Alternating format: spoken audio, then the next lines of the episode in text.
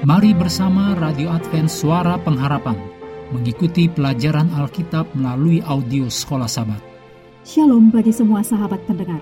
Kabar baik bahwa kisah dan kesaksian terkait siaran dan pelayanan AWR Indonesia kini dapat diikuti secara berkala, baik melalui siaran harian Radio Advent Suara Pengharapan, juga melalui YouTube dan Facebook AWR Indonesia.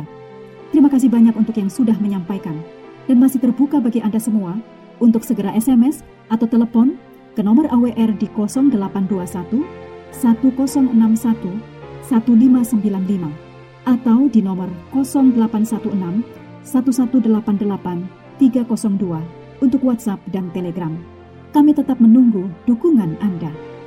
Selanjutnya kita masuk untuk pelajaran ke-12 periode 10 sampai 16 September. Judulnya Mati seperti benih. Mari kita mulai dengan doa singkat yang didasarkan dari Matius 13 ayat 37. Ia menjawab, katanya, Orang yang menaburkan benih baik ialah anak manusia. Amin.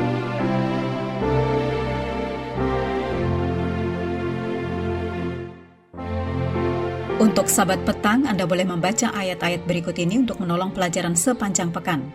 Filipi 2 ayat 5 sampai 9, Roma 12 ayat 1 dan 2, 1 Samuel 2 ayat 12 sampai pasal 3 ayat 18. 1 Samuel 13 ayat 1 sampai 14. Juga Sakaria 4 ayat 1 sampai 14.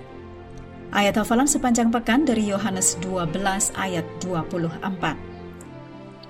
Aku berkata kepadamu, Sesungguhnya jikalau biji gandum tidak jatuh ke dalam tanah dan mati, ia tetap satu biji saja. Tetapi jika ia mati, ia akan menghasilkan banyak buah.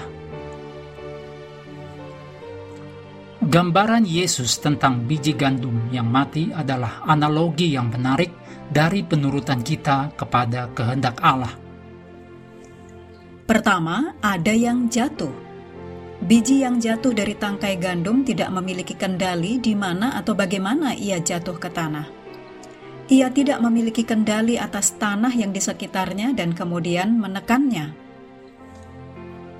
Kedua, ada penantian. Karena biji terletak di bumi, ia tidak tahu apa yang akan terjadi di masa depan. Ia tidak dapat membayangkan seperti apa kehidupan di masa depan karena ia hanyalah sebutir biji gandum. Ketiga, ada kematian.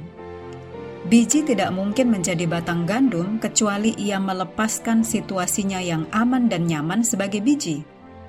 Biji harus mati, yaitu ia harus melepaskan apa yang selalu ada sebelumnya, sehingga ia dapat diubah dari benih menjadi tanaman yang menghasilkan buah.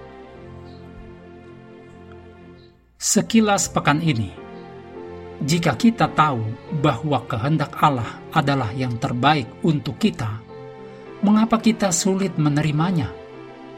Contoh penurutan apakah yang telah Kristus tinggalkan bagi kita? Bagaimanakah Anda melihat analogi dari biji gandum yang diterapkan pada kehidupan Anda sendiri? Hendaklah kita terus tekun mengambil waktu bersekutu dengan Tuhan setiap hari bersama dengan seluruh anggota keluarga, baik melalui renungan harian, pelajaran sekolah sahabat, juga bacaan Alkitab sedunia, percayalah kepada nabi-nabinya, yang untuk hari ini melanjutkan dari 1 Samuel pasal 4. Tuhan memberkati kita semua.